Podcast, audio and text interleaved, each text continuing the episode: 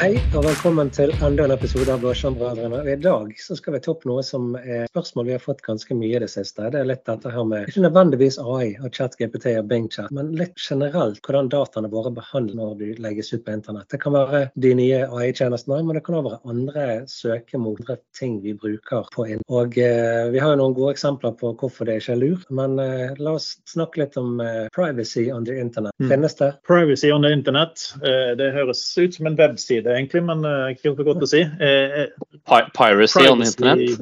Ja, så eh, det det er i hvert fall ganske mange ledd du må tenke på før du kan ha privacy on the internet. For Mm. at, eh, Du må både sikre oppkoblingen, tra- overføringen og lagringen og all tilgang til det du har lagret, eh, her. Så det er en ganske kompleks mulighet for å få det. Men jeg håper at det finnes en eller annen form for privacy på internett som du kan eventuelt kjøpe som et firma. da.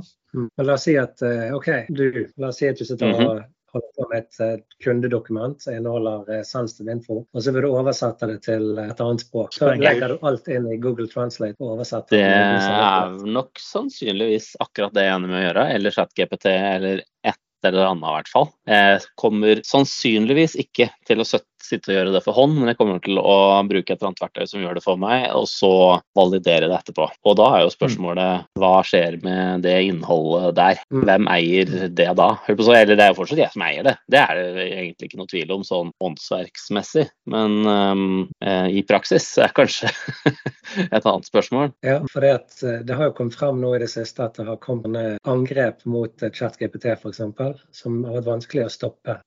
Der du har en injector, en eller annen tjeneste på toppen som gjør at han får den informasjonen du legger. Mm. sånn. Ja, ikke sant? Mm. Og ChatGPT som lekket alle brukerne av passord eller noe sånt sammen med alle søkene som var gjort. Mm. I hvert fall eh, noe som har vært snakket om. Sant? Vi blir jo mer og mer Vi har jo en tendens til å stole blindt på de forskjellige tjenestene der ute. Om det er Bing, Google Ja, vi, vi kan jo faktisk gå, gå to hakk tilbake igjen, for du nevnte jo Translate, Google Translate. Mm. Eh, Har du lest, eller har HR-avdelingen din, eh, advokaten i firmaet ditt, har de lest bruksvilkårene og godkjent de for Google Translate? Hvis de hadde lest eh, noe som helst av bruksvilkår på internett, så hadde de stengt internett. Ja, ikke sant? Ja. Mm. Ja, for der er det, altså det, det, det tror jeg er den eldste av de scenarioene vi snakker om nå. Det er det at man har en tendens til å lime ting ut i en tjeneste for at man skal gjøre et eller annet med det, altså oversette det. Og så tar man resultatet tilbake igjen, så tror man at man har gjort noe som ingen andre har fått med seg. Men det står jo et eller annet sted der at dette kan brukes i diverse sammenhenger, eh, og du godtar det, for dette er en eh, privattjeneste, det er ikke en bedriftstjeneste, men du har allikevel flyttet Mm. bedriftsdata inn. Det de kaller så fint til analysepurp. Ja. Hva, det, hva det Mm. egentlig betyr, det er jeg litt usikker på. Mm. Men eh, er folk også klar, faktisk klar over at du kan faktisk oversette det i Word istedenfor å ta det i Translate? Oh, det er consumer tape her. Et lite, et lite tech-tips her, det liker vi. Jeg Ja, ikke det. det, det måtte være en første for alt, ikke sant? Ja. Men det er ikke en Men det, det er jo også, en tryggere metode, måte... for da forlater du ikke, forlater du ikke datamaskinen din. Sant? I hvert fall Du får oversatt det der og da på ordlister som allerede ligger i systemet ditt, istedenfor at du overfører det ut internett. Mm. Jeg har fått mye Mm. spørsmål i det siste fra folk som er utrygge i forhold til ChatGPT Hva er riktig bruk? Hva kan vi gjøre, hva vi bør, bør vi ikke gjøre? Jeg tenker jo at Hvis det er sensitivt på et eller annet vis, det kan skade firmaet eller deg, hva, så ikke bruk de tjenestene til det. Mm. Og så, må man jo se på forskjellen på kunstige intelligenser. Sant? Altså, for Du har en kunstig intelligens som du f.eks. kan kjøpe i Azure, Mm. eh, hvor du fòrer inn eh, din data som blir bearbeidet i maskineriet. Altså KI, kunstig intelligens, er jo bare en prosessor, altså en prosess som prosesserer informasjon for å gjøre den mer oversiktlig. Mm. Og så er dataen inn. Ja. Og hvis det er en intern tjeneste, så ligger det gjerne sensitiv informasjon der, men han vil ikke gå ut bortsett fra til autoriserte brukere. Mm. Eh, men Men det samme, det samme her, det gjelder jo på en måte altså En ting er jo ja, med ChatGPT og, og kunstig intelligens og alt det der, men du har jo hele tida hatt lagring, f.eks. Altså, du ville jo ikke hatt Mm. på en måte alle slags bedriftsdata på en eller annen privat Dropbox til en eller annen nisse, eller liksom alle mulige sånne type problemstillinger. da. Der har du jo hele tida tenkt sånn at eh, nei, vi må jo ha noe som er administrert av selskapet og betales av selskapet, forvaltes av selskapet, og så kanskje man har en eller annen databehandleravtale eller et eller annet sånn i noen tilfeller.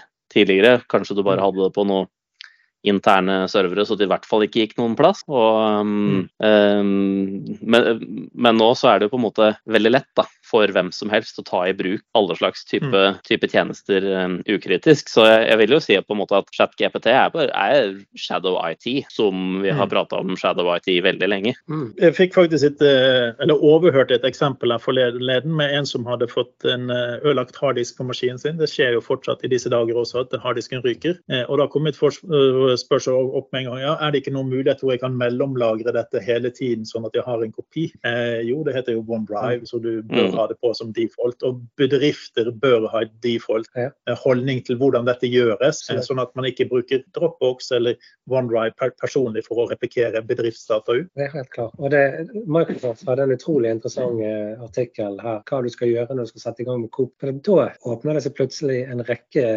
jobber for sånne som meg som er interessert i information protection. For i utgangspunkt så kan co-piloten trekke informasjon fra de forskjellige SharePoint-site og teamene og alle andre steder han får tak nei, på intranettet, si, på nettverket ditt. Mm. Så da blir det viktig å sette SharePoint-sider privat, ikke de skal informasjon. Bruke eh, DLP, bruke Infoprotect, sånt, label og mm. som vi har snakket om i mange år, men som nesten ingen har gjort skikkelig. Nå plutselig ja, og, og, Men, men sånn per, per, nå så er jo på en måte Copilot og sånn, det er jo veldig sånn Det er jo egentlig en innpakka søkemotor. Du har jo pakka inn mm. litt uh, kunstig intelligens som sitter og tolker søkeresultatene uh, for deg, basically. Så hvis det er du googler noe, så er det noen som sitter og prioriterer det for deg. Um, sånn at i utgangspunktet så, så vil vel på en måte sikring med DLP og sånn være på en måte Kall det by proxy, da. Eh, sånn som alt av søk og sånn. Men eh, det blir enda mer tilgjengelig, da, siden du bare spør etter noe. Og så er det noen som går på side 12 i det søket og finner det dokumentet som kanskje noen la på den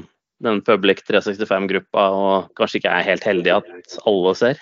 Ja, man, plutselig så kommer det Spør du, tar frem alle samtaler jeg har hatt med Marius, og all informasjon ja. Marius laget om et eller annet. Så finner han et dokument der du har skrevet på lerikedom, mm. klage til eller noe sånt.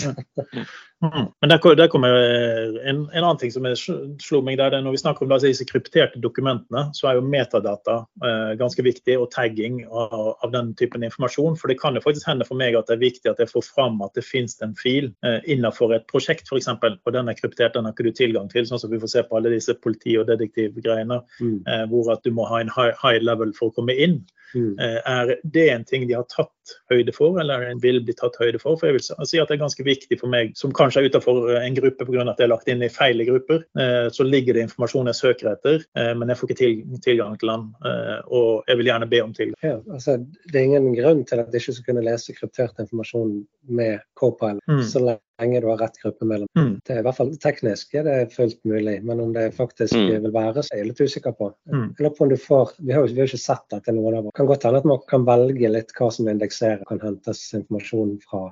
Mm. Det finnes ja. en utrolig bra video på, eh, som Microsoft Mechanics har laget om hva du skal gjøre før du setter i gang med Coop. Mm. Ja, altså, I hvert fall tidligere da, så har Microsoft vært veldig sånn gode på å få ut nye ting, men kanskje ikke så gode på å få ut sikringsmekanismene til de nye tinga. Um, mm. Så forhåpentligvis så gjøres den jobben kanskje samtidig her, da. For det, alle husker vel eh, når de kom med Office 365 Groups, hvor alle kunne lage. Det fantes ingen måte å på en måte kontrollere ned på noen sånn særlig spesifikk uh, måte. Og så tok det så et mm. år eller noe sånt før det kom uh, kontrollmekanismer rundt en del av det. da. Så um, ja. Men fortsatt så føler jeg at eh, vi er inne i en hype-status.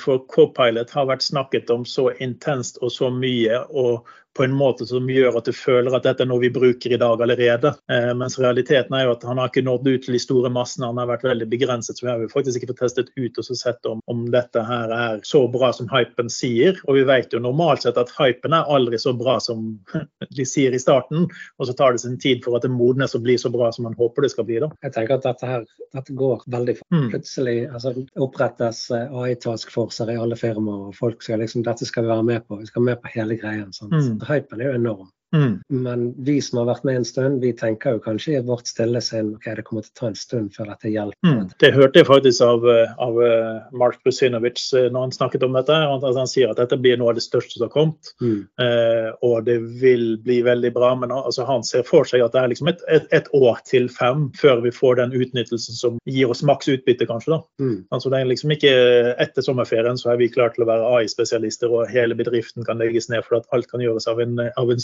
støvsugerrobot et eller annet sted. Sant?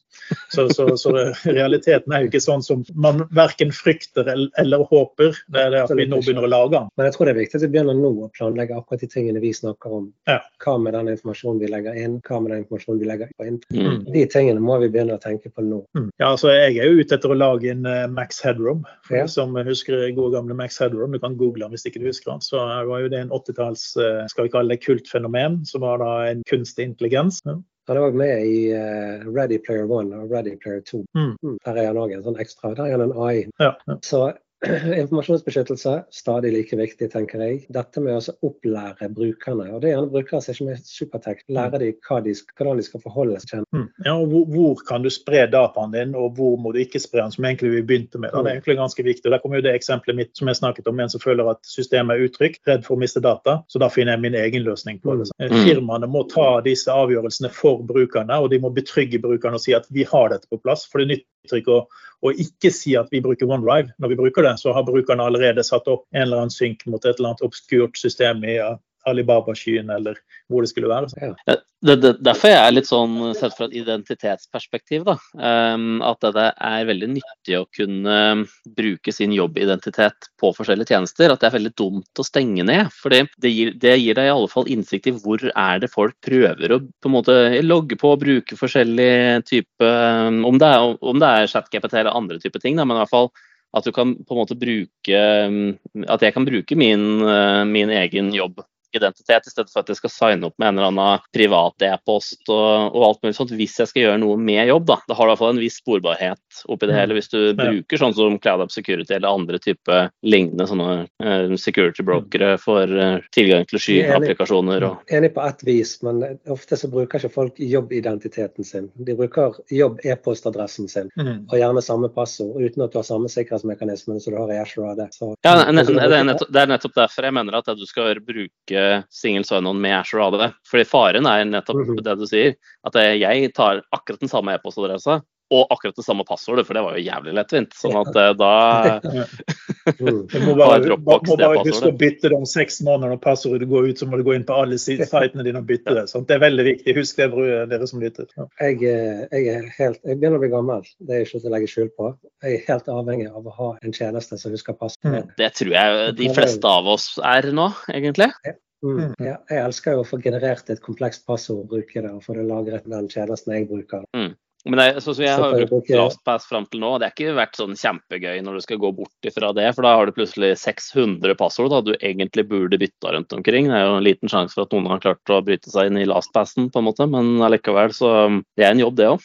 Er jeg. Har en, en teori om LastPass. For de har Mm. vært kompromittert delvis, og de har vært veldig åpne om det. Og Det gjør at jeg får mer tillit til LastPass. Sikkert mange andre som òg har blitt kompromittert uten at du får vite om det.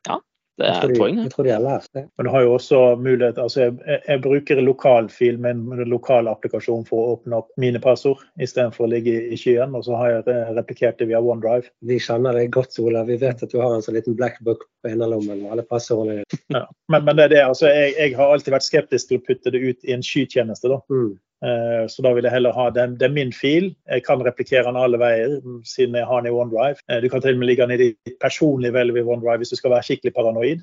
Sånn at den- er kryptert dobbelt der også. Eh, Og så åpner du den bare på ditt lokale med ditt passord. Altså det, det, det er en annen sikkerhet. og det er litt, litt mer tungvint, for jeg kan ikke integrere den i webbrowserne mine. Eh, Men det tar meg veldig kort tid å hente det passordet og lime det inn. Så det, er faktisk en innebygd copy-paste-funksjon som Mm. kler passordet, altså sånn at det ikke ligger i clipboarden på maskinen din. Mm. Så, så det, er, det er en løsning jeg foretrekker å bruke, da, som gjør at jeg i hvert fall sover bedre om natten. Ja. Men uh, oppsummert Vi har én ting før vi Ja, eh, oppsummerer. Ja, okay. Faktisk, og det jo det at Vi er jo bare tre her i dag. Ja, Folk trodde jo plutselig at han på Askøy har blitt stille, Mm.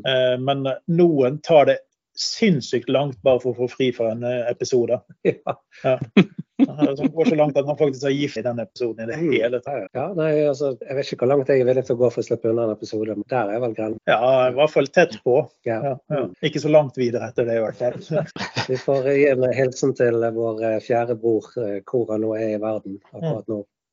Og til den stakkars damen som holder ut med ham bare for at han er med på den episoden. Mm. Men nå kan du få lov å oppsummere. Oppsummert, eh, vær forsiktig hvor du legger sensitive data. Husk at alt på internett de er ikke vennene dine, de er der for å penger. Og hvis noe er gratis, så er det vel gratis fordi at de kan tjene penger på andre måter. Og så må du vurdere ny teknologi. Det er egentlig det vi snakker om. eh, Alle Mm. disse AI-ene, KI-ene. Det er jo det er ny teknologi vi må vurdere hvor fornuftig er det å bruke det, og på hvilken måte skal vi bruke det. Risikere. Ja, for Vi snakket jo om den Eliza-effekten, altså den tilliten mennesker gjerne får til eh, teknologi. Sant? Det er så lett for oss å tenke at ChatGPT at det er jo vennlige, snille tjenester som skal Mm. hjelpe oss å få til masse. Sant? Men det er jo mennesker som skal tjene penger. Det er jo en, en grunn til de lager det. Be careful. Nå sier vi takk for denne gangen. Takk, ha det bra. Hei, hå. Jo.